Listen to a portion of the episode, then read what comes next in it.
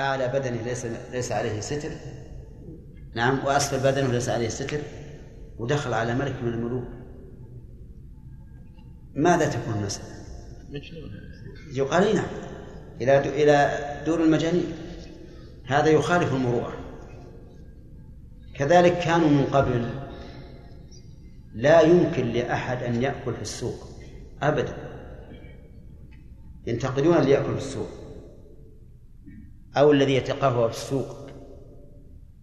فإذا كنا في بلد ينتقدون ذلك فجاء رجل وقام يأكل في السوق. نعم. إيش تقولون؟ لا مو بعد حد يرجعون لكن ينتقدونه لا شك. ينتقدونه طيب. في الوقت الحاضر صار هذا غير مخالف للمروءة. في ناس الآن يتكون في السوق.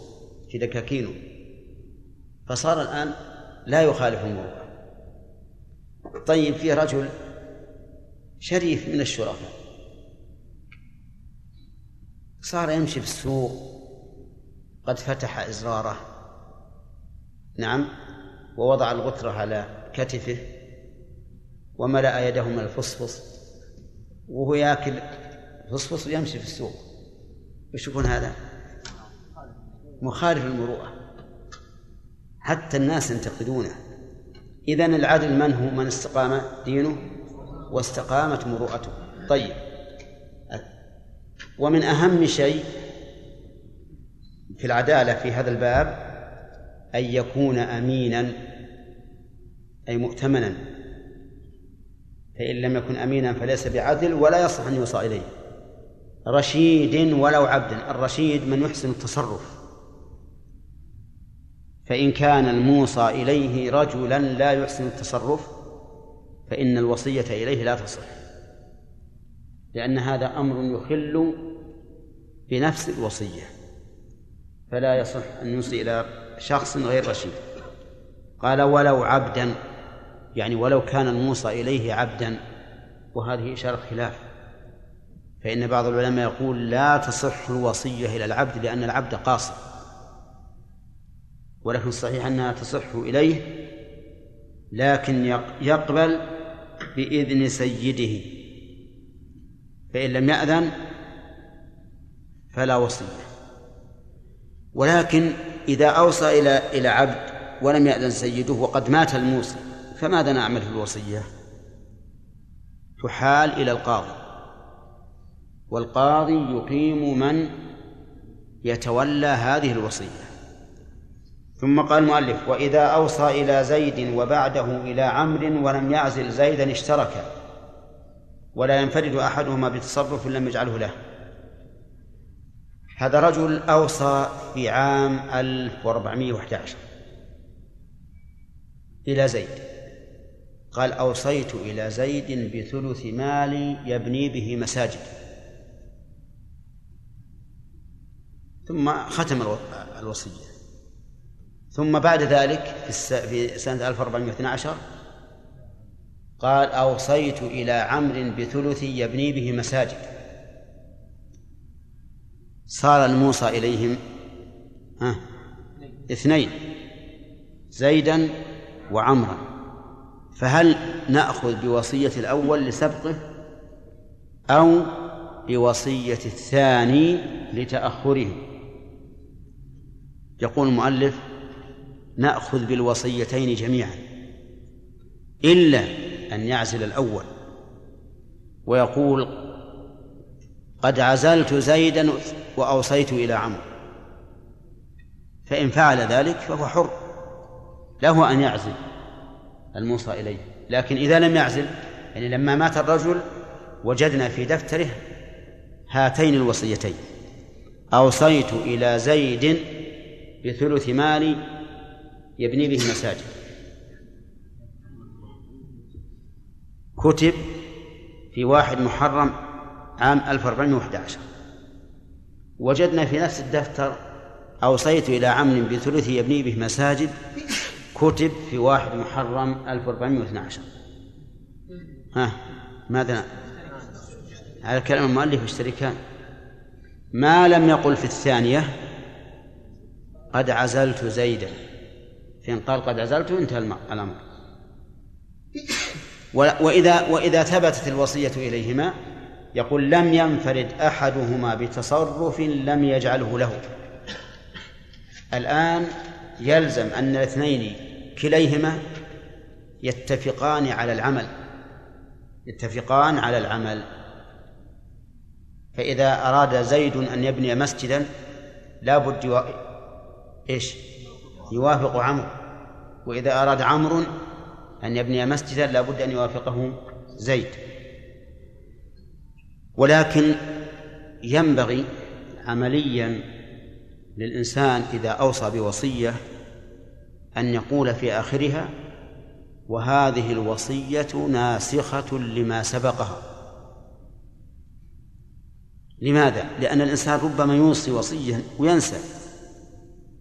ينسى مع طول الزمن أو مع كثرة الهموم ينسى. فإذا كتب هذه الوصية ناسخة لما سبقها استراح وأراح غيره. واضح يا أخوان؟ طيب. وهذه ينبغي لمن كتب الوصايا للناس أن ينتبه لها. كلما قال لك إنسان اكتب الوصية اكتب الوصية ولكن اكتب فيها هذه الوصية ناسخة لما سبقها لئلا توقع الورثة في حرج فيما بعد.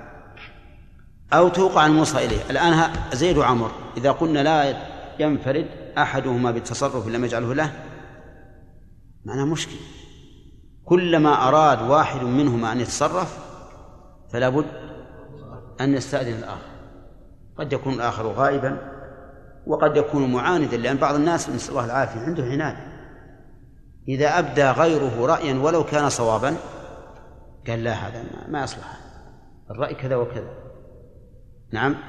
أو إذا عجز أن يأتي برأي بدل قال الله هذا ما يصلح هذا يرد عليك كذا ويرد عليك كذا ويرد عليك كذا. وجاء من الإرادات ما ليس بوارد لكن من أجل عرقلة نظر صاحب. وهذا شيء مشاهد. فالحاصل أنه إذا لم زيد اشترك.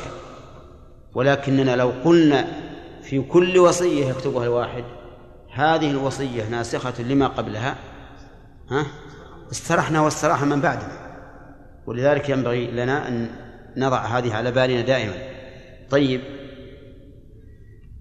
يقول و ولا تصح ولا تصح وصية إلا في تصرف معلوم يملكه الموصي. لا تصح الوصية يعني إلى الشخص. إلا في تصرف تصرف معلوم. فإن كان مجهولا فإنه لا, لا فإن الوصية لا تصح. ولكن ليس من المجهول العموم مثل أن يقول أوصيت إلى فلان أن يضع ثلثي فيما شاء من أعمال البر. هذا غير مجهول. هذا إيش؟ هذا عام. هذا عام وليس بمجهول. والعموم ليس بجهل.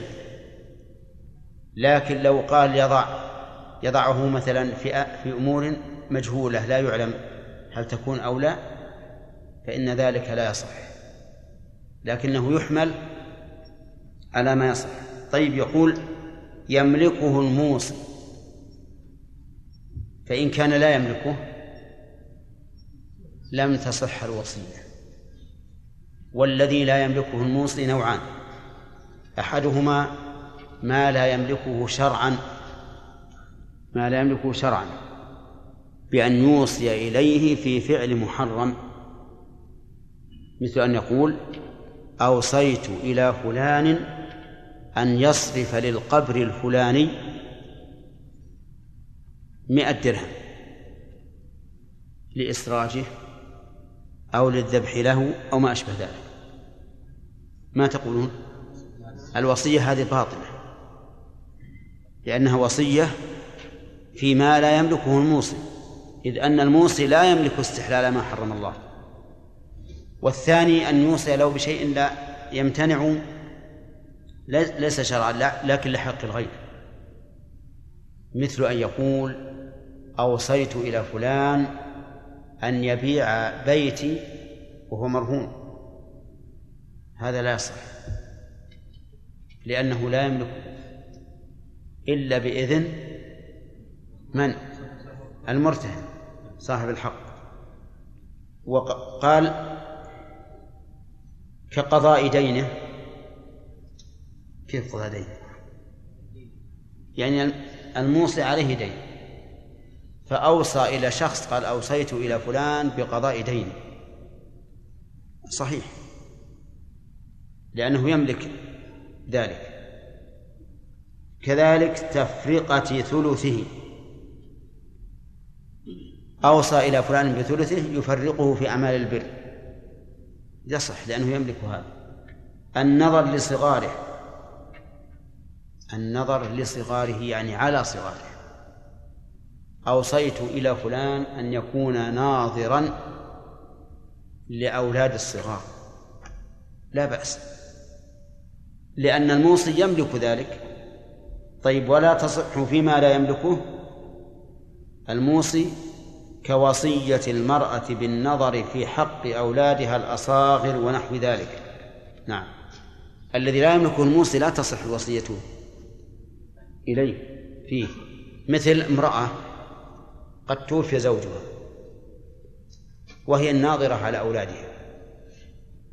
فأوصت إلى شخص من بعد موتها أن ينظر على أولادها الصغار هذه الوصية غير صحيحة ليش؟ لأن الأمة لا تملك النظر استقلالا على أولادها الصغار طيب ماتت الأمة الموصية ماذا ماذا نعمل؟ تحال المسألة إلى القاضي حال القاضي ويجعل القاضي من رأى فيه الخير حتى لو رأى أن أمهم صالحة لأن تكون ناظرة عليهم فلا بأس. طيب لو أن رجلا أوصى إلى امرأته في أولاده الصغار يجوز؟ أوصى إلى امرأته في النظر على أولاده الصغار. ها؟ المرأة مسلمة ولا كافرة؟ تصح الوصية إلى كل مسلم. مكلفة ولا غير مكلفة؟ رشيدة. يعني هي مكلفة رشيدة مسلمة. تدخل في كلام المؤلف الأول. تصح الوصية إليها في النظر على أولادها. وكثير من النساء تكون رعايتها لأولادها أفضل بكثير من رعاية الرجال. نعم. ها؟ أي لكنها قاصرة متعدية. عاقلا عاقلا وبالغا العاقل هو رشيد؟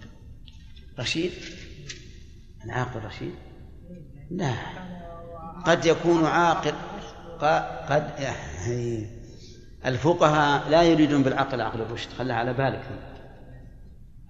يريدون بالعقل عقل الإدراك كل ما رأيت في كلام الفقهاء عاقل فهو عقل الإدراك وإلا لقلنا إن الصلاة لا تلزم إلا من كان عنده عقل رشد أليس كذلك؟ أين؟ ها؟ إيش؟ وكل احد ابنائه هل تصح وصيه الوكيل؟ أي نعم يقول هل يصح أن يوصي الوصي؟ الجواب لا. لا يصح أن يوصي الوصي. يعني لا أوصى لو كان شخص عنده أولاد كبار وصغار فأوصى أحد الكبار على أولاده الصغار. ثم مات الكبير والصغار ما زالوا صغارا. هل لهذا الكبير الذي وصي إليه أن يوصي إلى شخص آخر؟ نقول لا. لا يصح. إلا إذا كان أبوه قد جعل ذلك إليه. فقال الوصي على أولاد ابني فلان وله أن يوصي من شاء. فحينئذ يصلح لكن طيب إذا قلنا إنه إن الأب لم يوصي ومات الوصي ماذا تكون حال الأولاد الصغار؟ يرفعون إلى الحاكم. السلطان ولي من لا ولي له. نعم.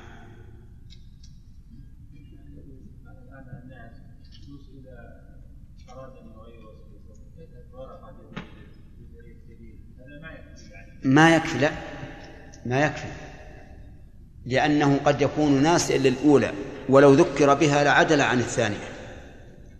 وقد يكون ناسا للأولى ولو ذكر بها لقال لا أريدها أريد الثانية.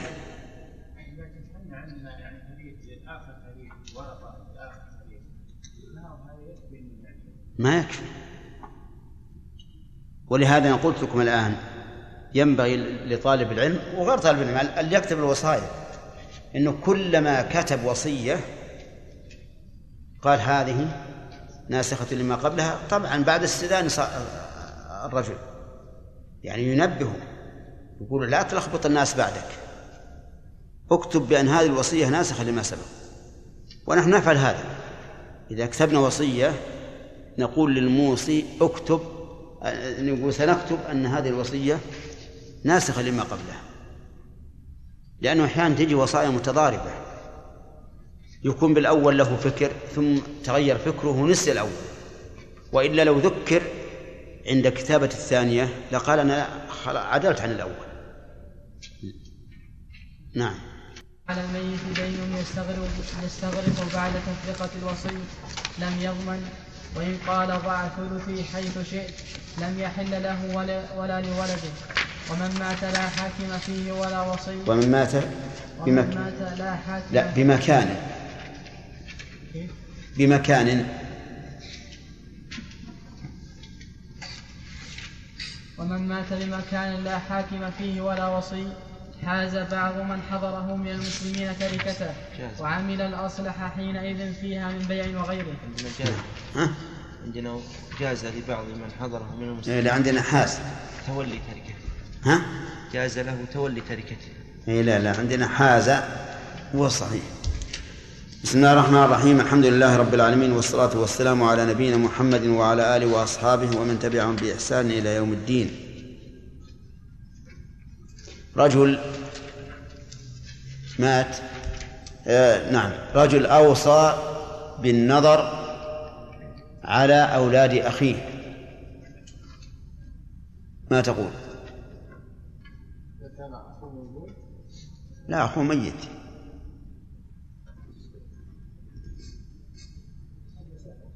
نعم. تصح الوصية؟ السؤال يا جماعة. رجل أوصى بالنظر على أولاد أخيه. نعم. لأنه لا يملك لا يصح تصح ولا ما تصح؟ لا تصح. لماذا؟ لأنه لا يملك. لأنه لا يملكه طيب. ولا بد من أن يكون الموصي يملك ما أوصى به. طيب. امرأة أوصت بالنظر في حق أولادها. الصغار. ها؟ أنت. لا يصح. لماذا؟ لا يملك. لأنها لا تملك هذا طيب أوصت بأن يزوج بناتها فلان. ليش؟ ما تملك لأنها ليست نعم. لا تملك لأنها هي نفسها لا تزوج. كيف توصي لمن يزوج؟ طيب. وصى إلى زيد خالد ثم وصى إلى بكر ها.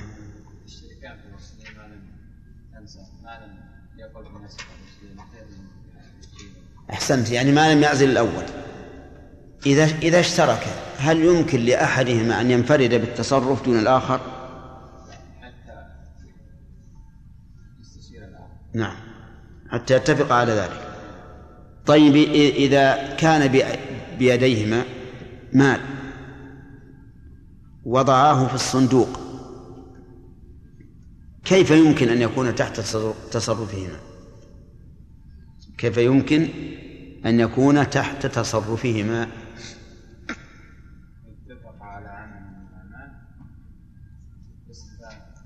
لا ما اتفق. الآن هو في الصندوق.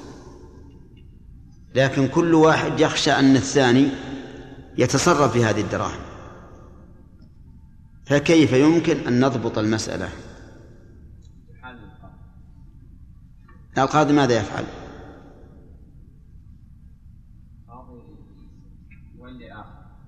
مشكلة. طلع من ذولا وهم أوصياء يقول العلماء يجعل للصندوق قفلان. قفلان كل واحد بيده مفتاح قفل حينئذ ها ما يمكن يفتح إلا بحضورهم جميعا. فقالوا يجعل قفلان وتكون بيد كل واحد مفتاح. ففي هذه الحال لا يمكن أن يتصرف أحدهما إلا بحضور الثاني. وهذه حيلة طيبة. هذه حيلة طيبة لأنه مشكل لو يكون المفتاح بيد واحد يمكن يتصرف. وإن جعلنا بيد كل واحد مفتاح والقفل واحد ها؟ يتصرف غيبة الآخر. فلا فلا طريق إلا أن نجعل له قفلين ونعطي كل واحد مفتاح قفل. نعم. طيب. لا ما يلزمهم ما يلزمهم. الأمين قد لا يكون مؤتمن عند القاضي مثلا. طيب يقول مالك رحمه الله ومن صار وصيا في شيء ومن وصي في شيء لم يصر وصيا في غيره. نعم. لأن الوصي لأن الوصي الوصية تستفاد بالولاية بالتعيين من الموصي. الوصي لا يملك التصرف إلا بإذن الموصي فيتقيد تصرفه بما عينه الموصي فمثلا إذا وصى شخصا على ثلث ماله فإن هذا الوصي لا يكون وصيا في تزويج بناته أو النظر على أولاده. لماذا؟ لأنه إنما وصي على الثلث. ولو ولو أوصى شخصا بسدس ماله يجعله في المساجد. وأوصى ثانيا بسدس ماله يجعله في الفقراء. فهل يملك الأول أن يصرف شيئا مما وصي إليه فيه في الفقراء؟ لماذا؟ لأنه إنما وصي للمساجد فقط. وهل يملك الثاني أن يصرف شيئا مما وصي فيه إليه إلى المساجد؟ لا. والتعليل كما قلت لكم أن تصرف الوصي يكون بإذن الموصي فيتوقف على ما أذن له فيه فقط. والمسألة واضحة. طيب وإن ظهر على الميت دين يستغرق بعد تفرقة الوصي لم يضمن. يعني أن الإنسان إذا أوصى بثلثه أن يصرف في طرق الخير. فصرفه الوصي. وبعد أن صرفه تبين أن على الميت دين يستغرق جميع التركة. تبين أن على الميت دينا يستغرق جميع التركة. الآن ثلث التركة قد مضى وانتهى ونفذ. فهل يضمن الوصي أو لا؟ يقول المؤلف إنه لا يضمن. لماذا لا يضمن؟ لأنه تصرف بإذن الموصي على وجه جائز. وكل من تصرف على وجه جائز فإنه لا يضمن ما ترتب على تصرفه. طيب فإن قال قائل لماذا لم ينتظر؟ لماذا لم ينتظر؟ فالجواب أنه إلى أي إلى أي مدى ينتظر؟ لأن كل وقت يحتمل أن يظهر فيه دين. والوصي مأمور بالإسراع بتنفيذ الوصية. فإذا أخرها يوما أو يومين خوفا من أن يظهر دين قال أيضا أؤجل شهرا أو شهرين خوفا من أن يظهر دين وحينئذ يؤدي إلى عدم تنفيذ الوصية. فنقول هذا الوصي المشروع في حقه أن يبادر في تنفيذ الوصية فإذا فعل ما ما هو مشروع في حقه ثم تبين ما ليس بعلمه فإنه لا ضمان عليه.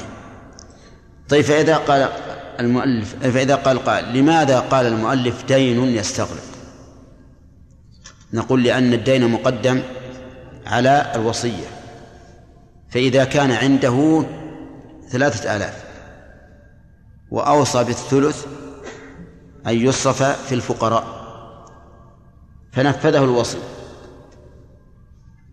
نفذ الوصي ألفا. ثم ظهر أن على الميت ثلاثة آلاف.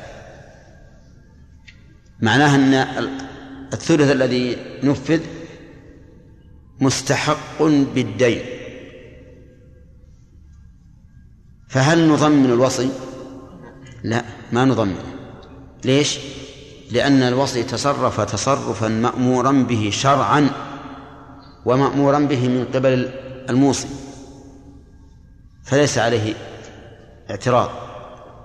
طيب ماذا يقول صاحب الدين الآن؟ يقول صاحب الدين أخذ ألفين وباقي عليه باقي له ألف. ماذا ماذا يكون؟ ها؟ نعم. نقول الورثة ما زمهم قضاء الدين. الورثة أخذ ما بأيديهم وهو ألفان لكن بقي لصاحب الدين ألف.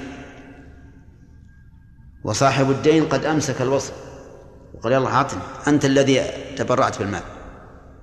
فنقول ليس لك حق في مطالبته وما بقي من دينك فإنه فإن حسابه على الله عز وجل. وهذا الذي استدان إذا كان أخذ أموال الناس يريد أداءها فإن الله يؤدي عنه. طيب. لو ظهر لو ظهر أن على الميت دينا لا يستغرق أن عليه ألفين فقط في المثال الذي ذكرنا. فهنا يأخذ الألفين من الورثة ويزول الإشكال. لكن هل يرجع الورثة على الوصي؟ بثلثي ما أنفق؟ لا لأنه مأمور بالمبادرة إلى تنفيذ الوصية. نعم. بعدين بعدين.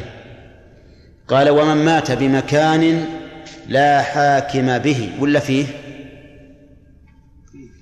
لا حاكم فيه. ولا وصي.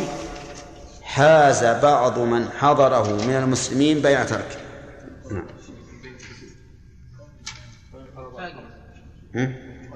نعم قبله. قال وإن, وإن قال ضع ثلثي حيث شئت لم يحل له ولا لولده. إن قال من؟ إن قال الموصي للوصي ضع ثلثي حيث شئت لم يحل له ولا لولده. لم يحل له لأنه لو أراد الموصي أن ينفع الوصي لقال أوصيت لك. لا يقول أوصيت إليك يقول أوصيت لك بألف. ولا يقول أوصيت إليك بألف لأن بينهما فرقا. أوصيت لك يعني أنه ملك لك. أوصيت إليك يعني أنك تتصرف فيه وليس لك. المهم لو قال ضاع ثلثي حيث شئت لم يحل له لأنه لو أراد نفعه لأوصى به له. مباشرة. ولا يحل لولده. لماذا؟ لأنه متهم. فإنه من الجائز أن يكون هناك من هو أحق من الولد ولكن يصرفه للولد لأنه ولده. وكذلك أيضا لم يحل لوالده أو أمه. فلا يصرفه لا لأصوله ولا لفروعه لأنه متهم. طيب وقوله حيث شئت. هل يجوز أن يضعه في الأشياء المباحة أو في الأشياء المحرمة؟ لا لا يجوز لأنه من المعلوم أن قصد الموصي بقوله حيث شئت يعني من أعمال البر فضعه في صدقة في شراء كتب في إنفاق على طلبة علم في إصلاح طرق في مساجد في غير ذلك من وجوه الخير. أما أن تصرفه في شيء مباح فهذا يعلم بالضرورة أن الموصي لم يرده. إذا ما الذي يمتنع في مثل هذا؟ يمتنع شيئان الشيء الأول أن يصرفه إلى نفسه أو أصوله أو فروعه لأنه متهم. والشيء الثاني أن يصرفه في غير عمل مشروع. أن يصرفه في غير عمل مشروع. طيب. فإن قال قائل كيف كيف كيف نجيب عن قول حيث شئت؟ فالجواب أن يقال إنه من المعلوم أن الموصي إنما أوصى بالمال يريد الثواب ولا ثواب إلا في شيء مشروع. ومن مات بمكان لا حاكم فيه ولا وصي حاز بعض من حضره من المسلمين تركته وعمل الأصلح حينئذ فيها من بيع وغيره. من مات بمكان ليس فيه حاكم وليس فيه وصي. يعني في السفر مثلا. رجل سافر مع رفقة ثم مات في مكان ليس فيه حاكم. في البر. وليس فيه وصي يعني أن الميت لم يوصي لأحد. وهذا يقع كثيرا ولا سيما في عهد الحوادث. جماعة مسافرون في سيارة. وحصل حادث ومات أحدهم. هذا الميت الآن ما أوصى. كما هو المعروف. ما أوصى إلى واحد من رفقائه. ما قال يا فلان أنت وصي على مالي. حزه واحفظه حتى تأتي إلى أهلي ما قال هكذا. البر ليس فيه حاكم. معروف القضاة في البلاد. فهل نقول لهؤلاء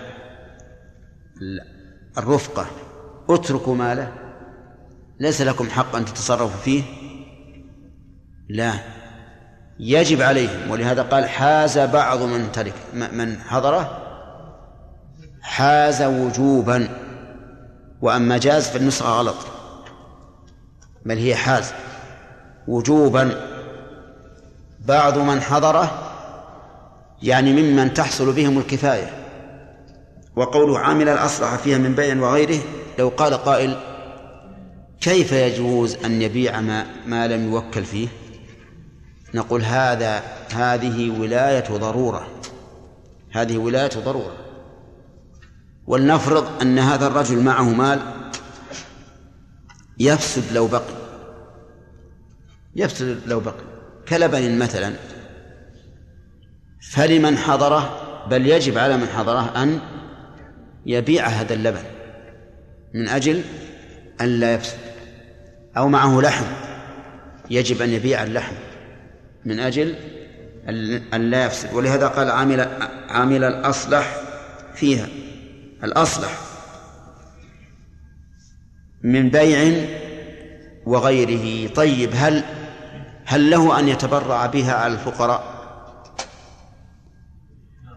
نعم. هل؟ لا. لا يتبرع لأن هذا ليس من صالح الورثة. والورثة لو تبرع لا طلبوه. وصل الرجل الذي تولى على تركة الميت إلى البلد. فطالبه الورثة بالضمان. وقال ليش تبيعها وليش تحوزه؟ فما الجواب على ذلك؟ الجواب أن نقول إن هذا الرجل محسن. وقد قال الله تعالى ما على المحسنين من سبيل ونحن نعلم أنكم إنما طالبتموه من باب التحدي. وإلا فإن الأصلح له ولكم أن يتولى هذا الرجل التركة ويعمل الأصلح ثم قال المؤلف كتاب الفرائض. الفرائض جمع فريضة وتطلق على معان متعددة منها الفرائض في الاصطلاح وهي نصيب مقدر شرعا لوارث. هذه الفرائض. جمع فريضة وهي الفريضة نصيب مقدر شرعا لوارث.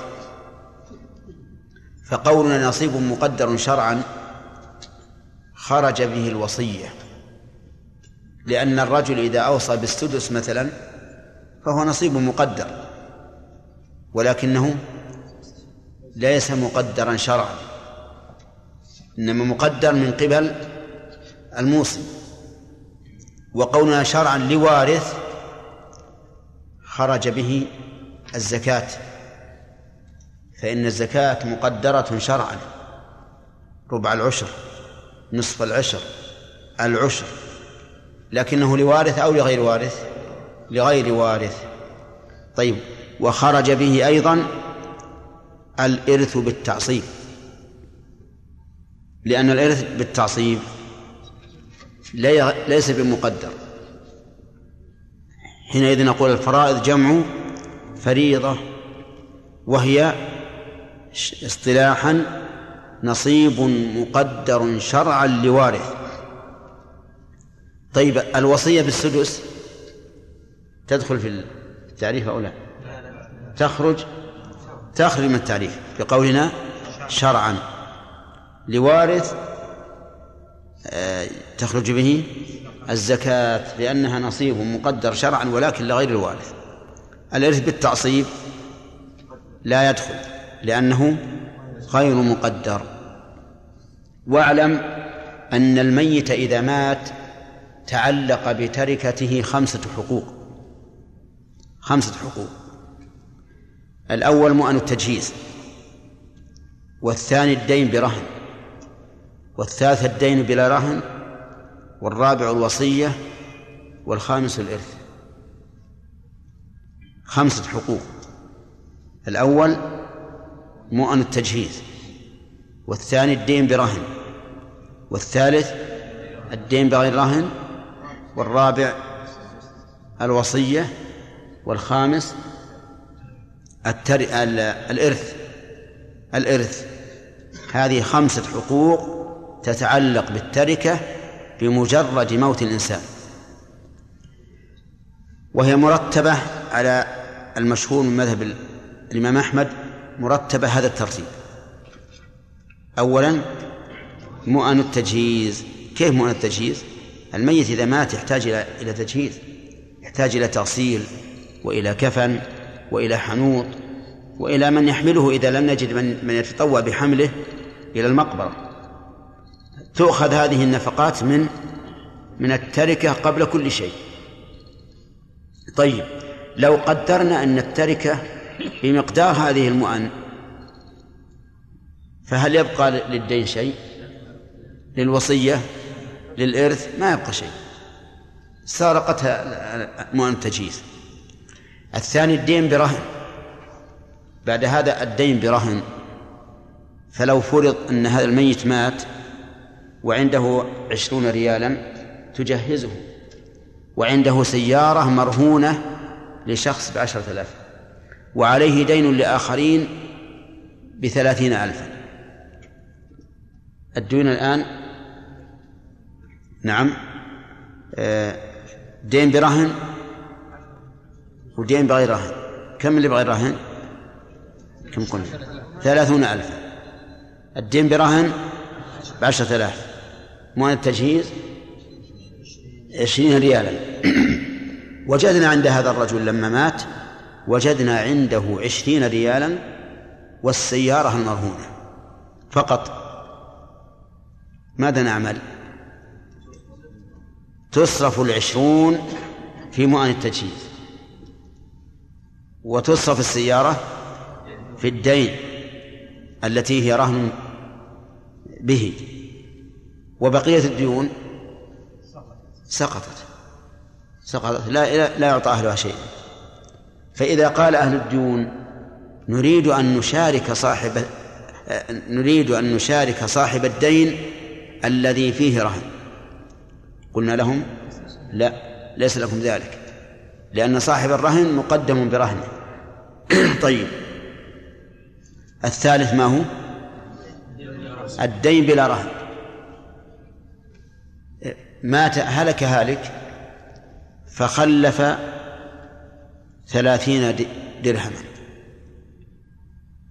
وثلاثمائة درهم وكان عليه دين بقدر ثلاثمائة درهم بدون رهن وعليه مؤن التجهيز بثلاثين درهما مؤن التجهيز بثلاثين درهما ولم يخلف إلا ثلاثمائة وثلاثين درهما.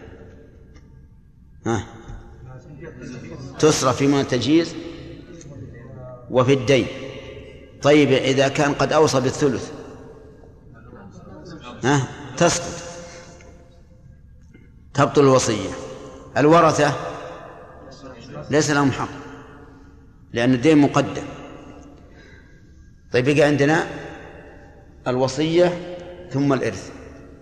لننظر نحن نقول نقدم الوصية ثم الإرث. كيف نقول نقدم الوصية ثم الإرث مع أن الوصية لا تصح بزائد على الثلث؟ لا تصح بزائد على الثلث. نقول نعم لأننا نأخذ ثلث للوصية من رأس المال. نأخذها من رأس المال. ونقسم الميراث على حسب نصيب كل واحد بعد أخذ الوصية. فتكون وبهذا يتضح تقديم الوصية على الميراث. كذا؟ طيب يتضح بالمثال رجل خلف ثلاثة أبناء آه، ابنين خلف ابنين وأوصى بالثلث. خلف ابنين وأوصى بالثلث وخلف ستة آلاف درهم. ستة آلاف درهم. الآن لولا الوصية لقسمنا ستة آلاف على الابنين لكل واحد ثلاثة. لكن لا إذا أوصى بالثلث نأخذ من الستة ألفين ثم نقسم الباقي على الابنين. في فيأخذ كل واحد ألفين. إذا نقص نصيب كل واحد ولا لا؟ والوصية أخذت كاملة. الوصية أخذت كاملة. وإلا لو أننا ساويناها بأصحاب بأصحاب الفروض ما أخذت ثلث كامل. كان نقول عندنا ثلث ونصف. المسألة من ستة. المسألة من ستة. لأن اثنين في ثلاثة بستة. للأبناء لكل واحد آه، للوصية الثلث ولكل واحد من الأبناء ثلث. لولا الوصية لكان لكل واحد من الأبناء النصف. فلهذا قدمت آه، تبين أن الوصية مقدمة على الميراث. يرى بعض العلماء ومنهم الشافعي رحمه الله أن الدين برهن مقدم على التجهيز. الدين برهن مقدم على التجهيز. مثاله رجل مات وله سيارة مرهونة بدين وليس عنده سواها. فعلى مذهب الإمام أحمد تباع السيارة ويؤخذ لمؤن التجهيز والباقي للمرتهن. وعلى رأي الشافعي تعطى السيارة للمرتهن ومؤن التجهيز تكون على من تلزمه ورث على من تلزمه نفقته. تكون على من تلزمه نفقته من الأقارب فإن لم يكن له أقارب أو أو كانوا لا يجدون فعلى من علم بحاله من المسلمين لأنه فرض كفاية. فإن لم يقم بذلك أحد فعلى بيت المال.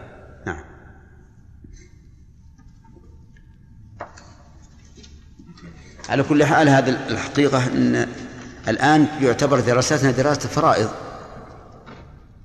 لكن ما أدري هل يمدينا ولا ما ولا ما يمدينا. ها؟ باقي ثلاثة أيام. نعم كيف؟ أو نأخذ ما نأخذ والباقي يبقى. السنة ماذا يعني نعم السنة وكمل وكمل يعني نأخذ منه شوي. اي في السنة في الجاية. إن شاء الله